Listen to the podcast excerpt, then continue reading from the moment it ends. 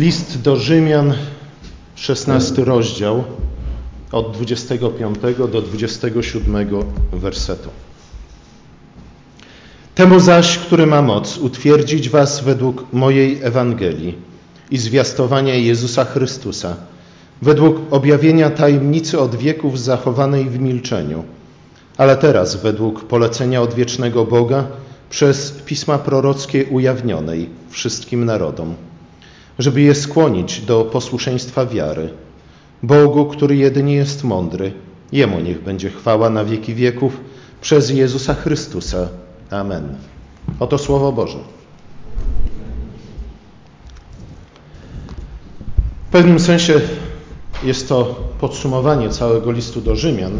W związku z tym nie będę omawiał dokładnie całego fragmentu, ale chciałbym zwrócić uwagę na słowa, które kończą ostatni werset tego listu, gdzie Paweł mówi o wszechmądrym Bogu, czy też o Bogu, który posiada wszelką mądrość. Od tego wątku mądrości Paweł rozpoczyna list do Rzymian, jak zapewne pamiętacie, i na tym wątku kończy. I stwierdza, że to właśnie poprzez przyjście życie, dzieło, śmierć, zmartwychwstanie, w niebo wstąpienie Chrystusa, także posłanie Ducha Świętego, Bóg objawia nam swoją mądrość, po to, abyśmy również my stali się mądrymi, abyśmy, będąc stworzeni na Jego obraz, także wzrastali na Jego podobieństwo. Najpierw w swoim liście, w pierwszym rozdziale, apostoł stwierdza, że mądrość Boża, Jego boskość, Jego moc mogą być poznane umysłem od założenia świata właśnie w dziele stworzenia świata. Patrząc nawet na świat, w którym żyjemy, musimy niechybnie dojść do wniosku, że Bóg istnieje, że jest dobry i że jest wszechmocny i że ma względem nas dobre zamiary. Właściwą reakcją na to poznanie Boga jest cześć i dziękczynienie, które przejawiają się w rozumnym postępowaniu. Innymi słowy, jeśli mówimy, że oddajemy Bogu cześć i dziękczynienie, a nie postępujemy w zgodzie z Jego mądrością, to oszukujemy samych siebie. Kiedy żyjemy w zgodzie z mądrością Bożą, która ukształtowała ten świat, i kiedy żyjemy w tym świecie, wtedy sami postępujemy mądrze, a skutkiem tego jest oczywiście chwała Boża, ale również skutkiem tego jest dobro, czyli objawienie chwały Bożej w naszym życiu. W tym, jak my żyjemy, w tym, jak odnosimy się do siebie nawzajem. Wtedy i dopiero wtedy możemy cieszyć się błogosławieństwem Bożym, czyli tak naprawdę doświadczać szczęścia. Nie w każdej chwili naszego życia, wiele można by o tym mówić, ale przynajmniej od czasu do czasu jesteśmy w stanie doświadczyć właśnie szczęśliwości. Ta mądrość Boża wymaga rozpoznania jednak dwóch rzeczy. Po pierwsze, tego, że jesteśmy Jesteśmy po prostu ograniczonymi istotami. Istotami, które są ograniczone strukturą tego świata stworzonego przez Słowo Boże. Jesteśmy ograniczeni i to przejawia się w, naszych, w naszym codziennym życiu w bardzo prosty sposób. Kiedy na przykład gwałcimy prawa fizyki albo matematyki, to nie powinniśmy w związku z tym dziwić się, że prowadzi to do rozczarowania, do bólu, a czasami nawet do tragedii. Jeśli włożymy nagą rękę do ogniska, nic dziwnego, że się poparzymy. I możemy się, możemy się złościć, możemy czuć żal, możemy czuć niechęć, możemy powiedzieć Panu Bogu, gdybym ja stworzył ten świat, to włożenie ręki do ogniska byłoby wielką przyjemnością. Tak jednak nie jest. Musimy to rozpoznać, musimy się z tym pogodzić. Słuchajcie, większość frustracji, których doświadczamy, dokładnie z tego pochodzi. Zwłaszcza wtedy, kiedy y, rzeczy nie idą po naszej myśli, dlatego że po prostu nie mogą iść. Dlatego, że 2 plus 2, jakby nie rachować, zawsze z tego wychodzi 4. Słuchajcie, niefrasobliwość, marzycielstwo zawsze prowadzą do cierpienia. Więc porzućmy taką postawę. Po drugie, musimy również rozpoznać coś, co wynika z tego pierwszego rozpoznania, ale co jest być może nawet jeszcze ważniejsze – a mianowicie to, że w każdym z nas tkwi pewien potencjał, zarówno do wyświadczenia dobra, jak i do wyrządzania krzywdy. Jeśli ktoś twierdzi, że nie jest zdolny do wyrządzenia krzywdy drugiej osobie, to okłamuje sam siebie. i zazwyczaj wyrządza krzywdę innym ludziom. Słuchajcie, dlatego mądrość przejawia się między innymi w złotej zasadzie, o której mówi Jezus w kazaniu na górze. Traktuj bliźniego tak, jak sam chciałbyś być przez niego potraktowany. Chyba, że jesteś masochistą albo jakimś naprawdę głęboko połamanym w swoim umyśle człowiekiem. Wtedy być może nie powinieneś traktować innych ludzi tak, jak sam chciałbyś przez, przez nich być potraktowany. Słuchajcie, psychopaci tak mają, nie? Oni mają głęboko zaburzone wszelkiego rodzaju reakcje emocjonalne, a w związku z tym też całe zachowanie. Nie o tym raczej tutaj mówimy, chyba że chcecie być psychopatą. W pewnym sensie jest wygodnie być psychopatą ze względu na to, że psychopata nie odczuwa ani żalu, ani wstydu.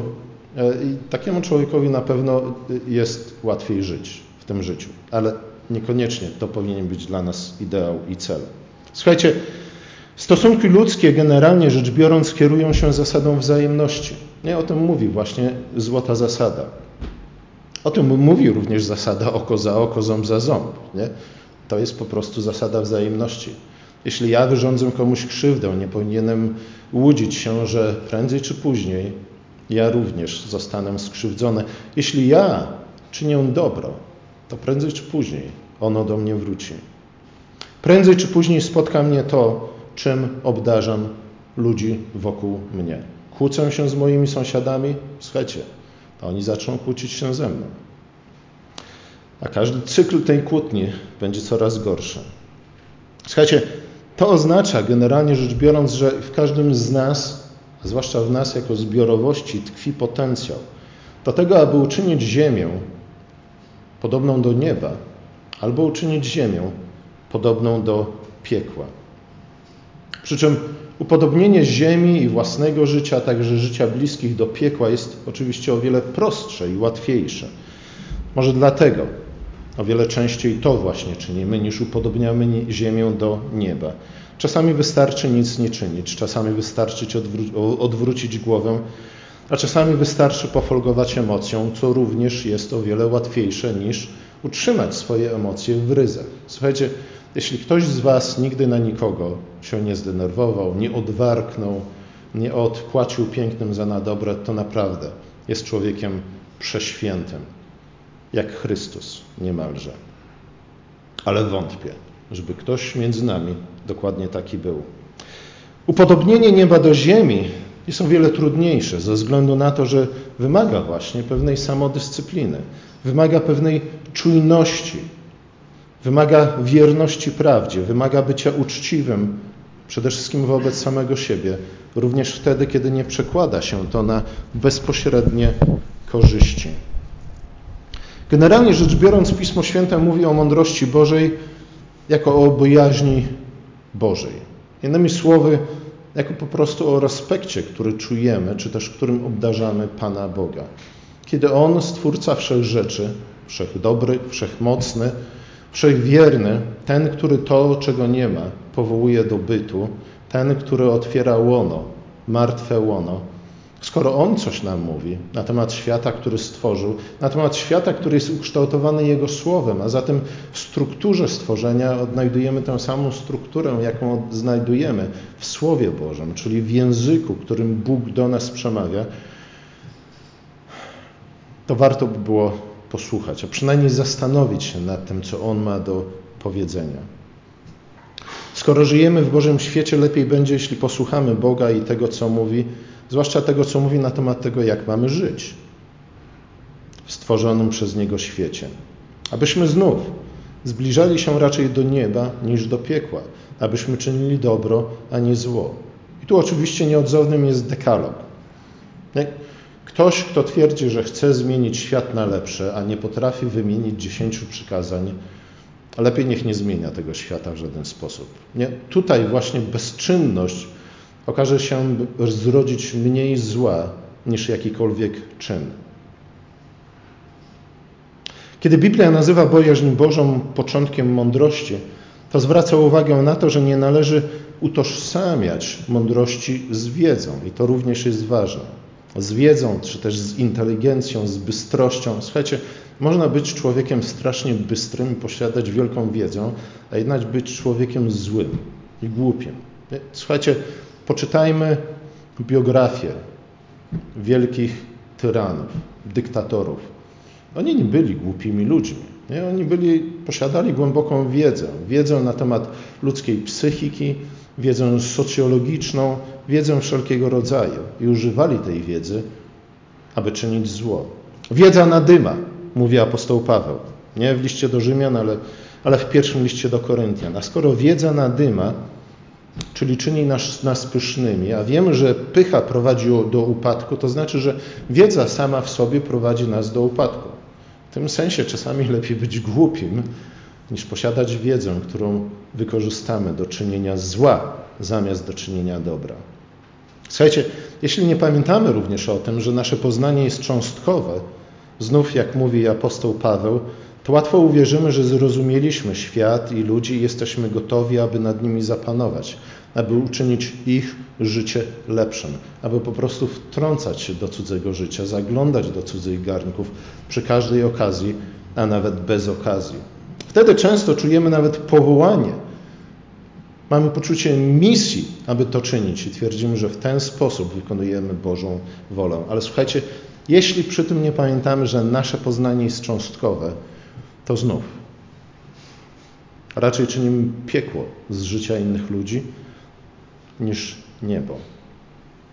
Z drugiej strony, wbrew temu, co twierdzą niektórzy, wcale nie jesteśmy homo sapiens, wcale nie jesteśmy istotami czy też ludźmi myślącymi w pierwszej kolejności. Słuchajcie, nasz intelekt tak naprawdę kształtuje może 10-20% naszego życia, naszego postępowania.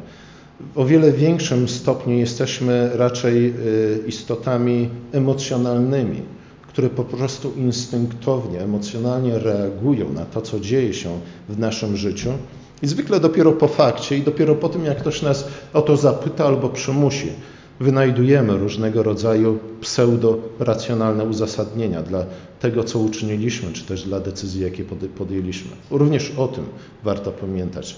Jak bardzo w wielkim stopniu nasze emocje wpływają na to, co czynimy, ze względu na to, że między innymi to oznacza, że y, większość naszego tłumaczenia, większość naszej argumentacji to są po prostu zwykłe konfabulacje, które mają nawet przed nami samymi uzasadnić to, co uczyniliśmy i oczywiście uzasadnić w sensie przedstawić jako coś dobrego, słusznego i sprawiedliwego. Odrzucenie mądrości Bożej jest przejawem pychy, jak już mówiliśmy. Jest w gruncie rzeczy stwierdzeniem, że ja wiem lepiej, jak żyć w świecie, który Bóg stworzył, niż Bóg, który stworzył ten świat. Słuchajcie, nawet na ludzki rozum czy na chłopski rozum, nie obrażając chłopów, to stwierdzenie jest po prostu głupie nie? i nie trzyma się kupy. Y, jak moglibyśmy coś takiego powiedzieć? Jak moglibyśmy powiedzieć, że wiem lepiej, jak latać rakietą, niż ktoś, kto ją zbudował? Nie? A jednak w życiu najczęściej dokładnie tak sądzimy i tak postępujemy. Jest takie powiedzenie, nie? O uczeniu ojca, jak robić dzieci. Zgadza się? Albo coś w tym stylu. Tak, tacy właśnie jesteśmy. E, przy czym to jest ciekawe, że znamy takie powiedzonka. Niestety problem polega na tym, iż odnosimy je zazwyczaj nie do siebie, ale do innych ludzi. Jak powiedział Mojżesz w Księdze Liczb, grzech nasz zawsze nas dosięgnie. Nie? A to oznacza, że prędzej czy później poniesiemy konsekwencje. E, naszej głupoty. Poniesiemy konsekwencje tego, co czynimy, tego, co robimy, w oparciu o przekonania o własnej mądrości, o własnym poznaniu świata, w którym żyjemy. Grzech nasz dopadnie nas prędzej czy później, w sensie takim, że prędzej czy później poniesiemy konsekwencje naszej decyzji i zła, które wyświadczamy sobie i innym ludzi. E, co gorsze, poniesiemy nie tylko my te konsekwencje, ale poniosą, poniosą je nasze dzieci, czy to biologiczne, czy też jakiekolwiek inne dzieci. Każde następne pokolenie będzie żyło w świecie, który my stworzymy w oparciu o nasze głupie decyzje. Niekoniecznie natychmiast, czasami dopiero z czasem przyjdzie nam zapłacić cenę za złe decyzje i za złe czyny. Słuchajcie, w ten sposób funkcjonuje to, co moglibyśmy nazwać strukturą rzeczywistości. A zatem e, te, to, jak funkcjonuje ten świat. I to zarówno w jego wymiarze fizycznym, materialnym, biologicznym, jak i w jego wymiarze etycznym, ze względu na to, że te dwa są nierozerwalnie z sobą związane. Kiedy naginamy tę strukturę rzeczywistości do naszych fantazji, do naszych pragnień, do tego, co apostoł Jan nazywa porządliwością ciała, porządliwością oczu i pychą tego życia, to ta struktura rzeczywistości nie od razu pęknie, nie od razu się złamie. Początkowo ustąpi, ale ustąpi po to, aby dać nam szansę na jakąś autorefleksję, na jakąś korektę naszego postępowania. Ale nie możemy naginać jej w nieskończoność, ze względu na to, że prędzej czy później ona się nie tyle złamie, co raczej odreaguje na nasze nadużycia. A to uczyni, a uczyni to z jednej strony dla naszego dobra, abyśmy nie brnęli w nieskończoność ku piekłu, ale z drugiej strony dla dobra naszych bliźnich, bliźnich abyśmy, aby oni nie cierpieli z powodu, z naszego powodu. Słuchajcie, niestety bardzo często dokładnie takiej mądrości nam brakuje, o czym bardzo często mówi Pismo Święte. Z uporem maniaka naginamy tę strukturę rzeczywistości do naszych życzeń, a może raczej do naszych fantasmagorii. I to zarówno tę fizyczną rzeczywistość, jak i, co gorsze, tę etyczną rzeczywistość. Dlatego, jak stwierdza Paweł w pierwszym rozdziale listu do Rzymian, Bóg pozwala nam ponosić konsekwencje tłumienia prawdy przez nieprawość. I to bardzo czynimy, często czynimy w naszym życiu.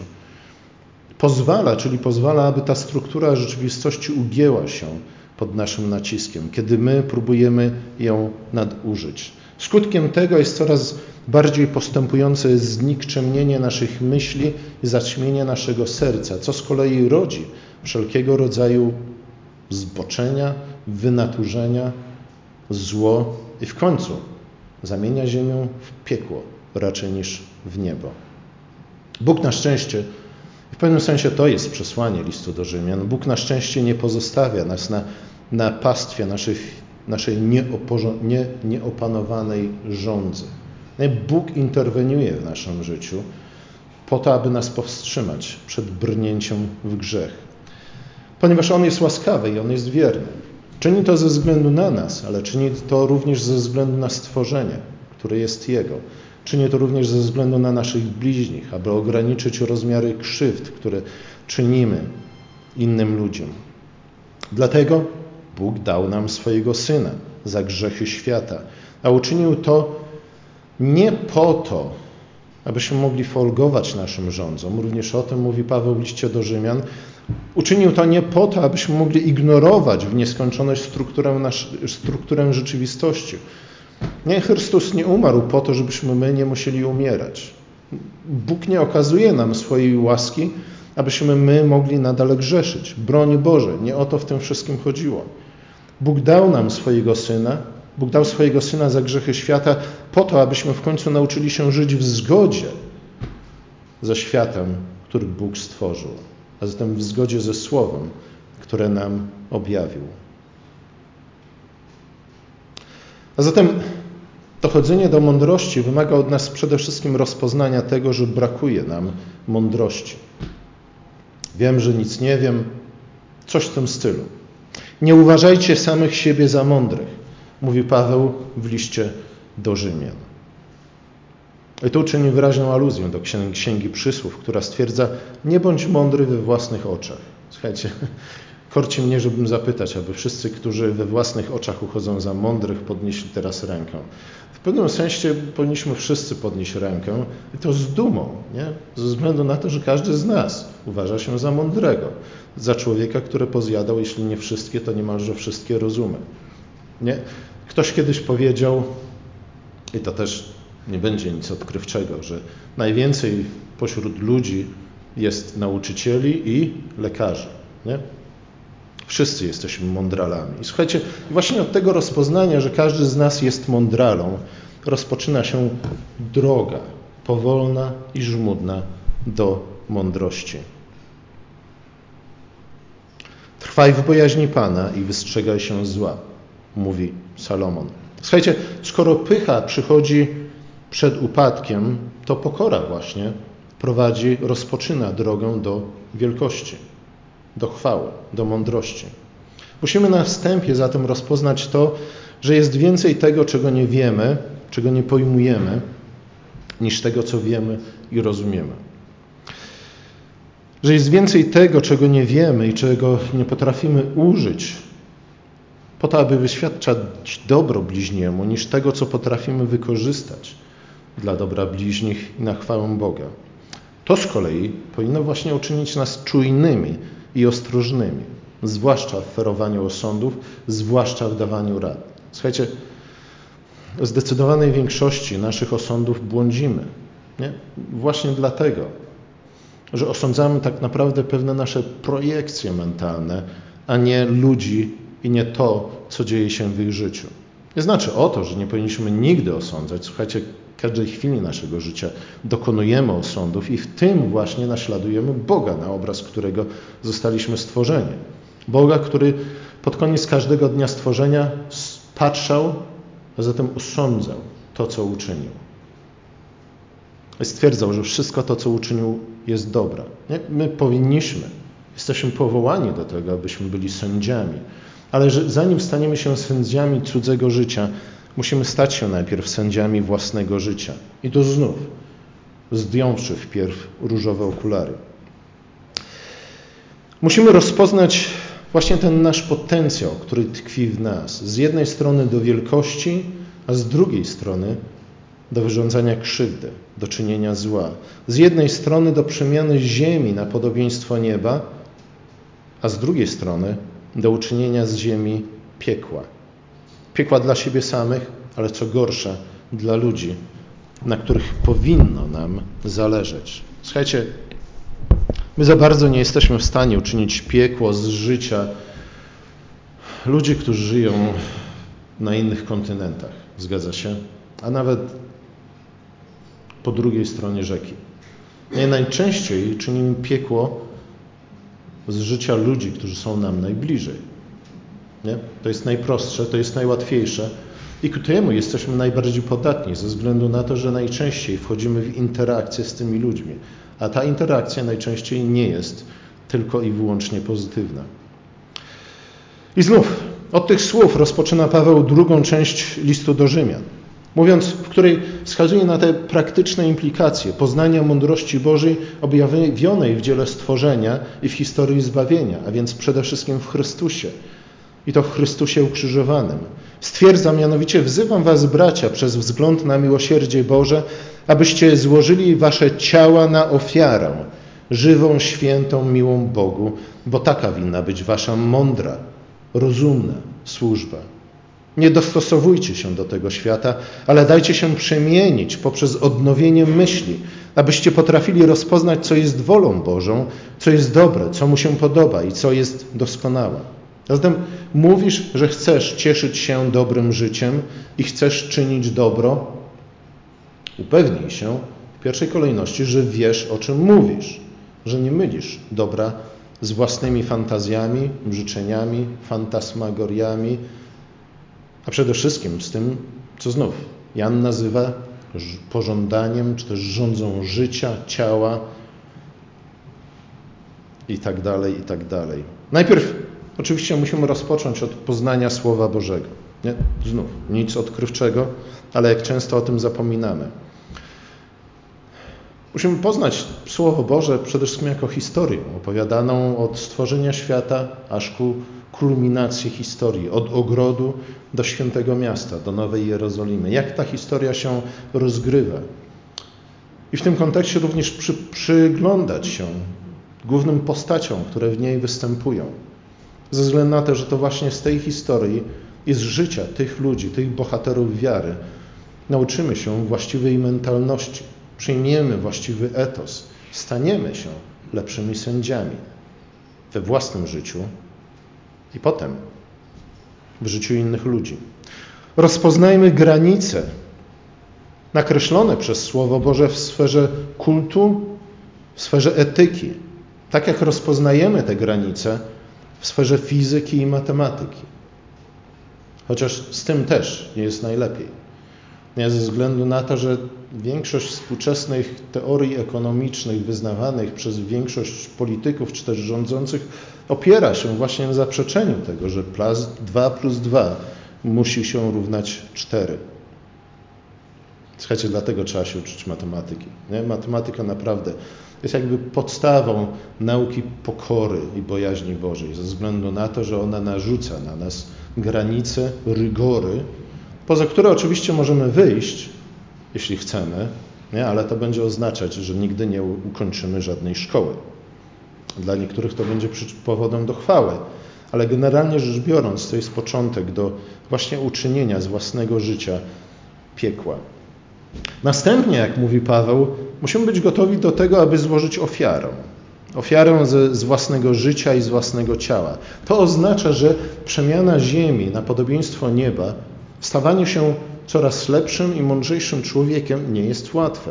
Wymaga ofiary z życia i z ciała, z własnych przede wszystkim fantazji i urojeń, ale też ofiary ze swojego czasu, pieniędzy, uwagi, których nie mamy zbyt wiele które zazwyczaj są niepodzielne. Musimy złożyć ofiarę po to, aby dochodzić stopniowo do mądrości, a zatem również do wielkości i do chwały. No i na koniec musimy zacząć od samych siebie, nie? Uporządkować swoje własne życie. Jak to powiedział pewien, on był admirałem? Chyba tak. Jakimś admirałem amerykańskim. Występując na zakończenie roku akademickiego w jednej z amerykańskich uczelni, gdzie zwykle w jakiś krótki i błyskotliwy sposób przekazuje się podstawy, podstawowe rady dla tych, którzy kończą naukę i zaczynają w końcu prawdziwe życie, rozpoczął od słów: Słuchaj, kiedy rano wstajesz, obudzisz się, jaka jest pierwsza rzecz, którą powinieneś zrobić w swoim życiu? Pościelić łóżko. Nie? E, od takich prostych rzeczy zaczynamy porządkowanie własnego życia, po to, abyśmy w końcu mogli zacząć porządkować życie innych ludzi. Znów, nie według naszych fantazji, nie według naszych oczekiwań w stosunku do nich, ale w zgodzie ze strukturą rzeczywistości ukształtowaną przez Słowo Boże. Taki schemat znajdujemy w Piśmie Świętym. Zanim ktoś zostanie królem, musi wpierw zostać kapłanem. Innymi słowy, zanim ktoś zacznie wydawać rozkazy, musi najpierw nauczyć się je wypełniać.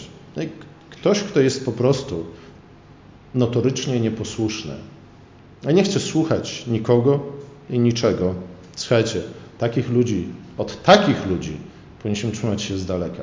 Naprawdę. Gorzej, jeśli to są jacyś nasi bliżsi, krewni, a może nawet część najbliższej rodziny. Wtedy nie za bardzo mamy wybór. Ale generalnie rzecz biorąc, takich ludzi Pismo Święte radzi, abyśmy unikali. Zanim ktoś weźmie się, zanim ja, zanim ty, zanim my weźmiemy się do naprawienia świata, musimy najpierw poznać, jak ten świat funkcjonuje i nauczyć się funkcjonować w tym świecie. I nie ma co tu się śpieszyć, nie? generalnie rzecz biorąc. Co nagle to po diable. Nie ma co tu się śpieszyć, gdyż znów lepiej być dobrym kapłanem niż złym królem. Nie? Lepiej być tym, który wykonuje rozkazy, niż ten, kto daje rozkazy, które są złe, głupie i rozpętują piekło na ziemi. Lepiej generalnie rzecz biorąc być Ablem niż Kainem. Mimo, mimo, mimo to, jak skończył Abel. Nie? I w pewnym sensie na tym to polega. Nie? Na tym polega ta potrzeba składania ofiary z własnego życia i z własnego ciała, po to, aby dochodzić do chwały i mądrości i do pełni życia. Nie? Czasami właśnie, tak jak powiedziałem na samym początku, musimy żyć w zgodzie z tą strukturą rzeczywistości, Musimy być czujni, musimy być wierni prawdzie, musimy być uczciwi, nawet wtedy, kiedy nie przekłada się to na bezpośrednie korzyści. Nie? I znów, ze względu na to, że alternatywą jest świat, stworzony przez Kaina, świat, który stworzył Lameka, świat, który sprowadził potop na całe stworzenie. Amen.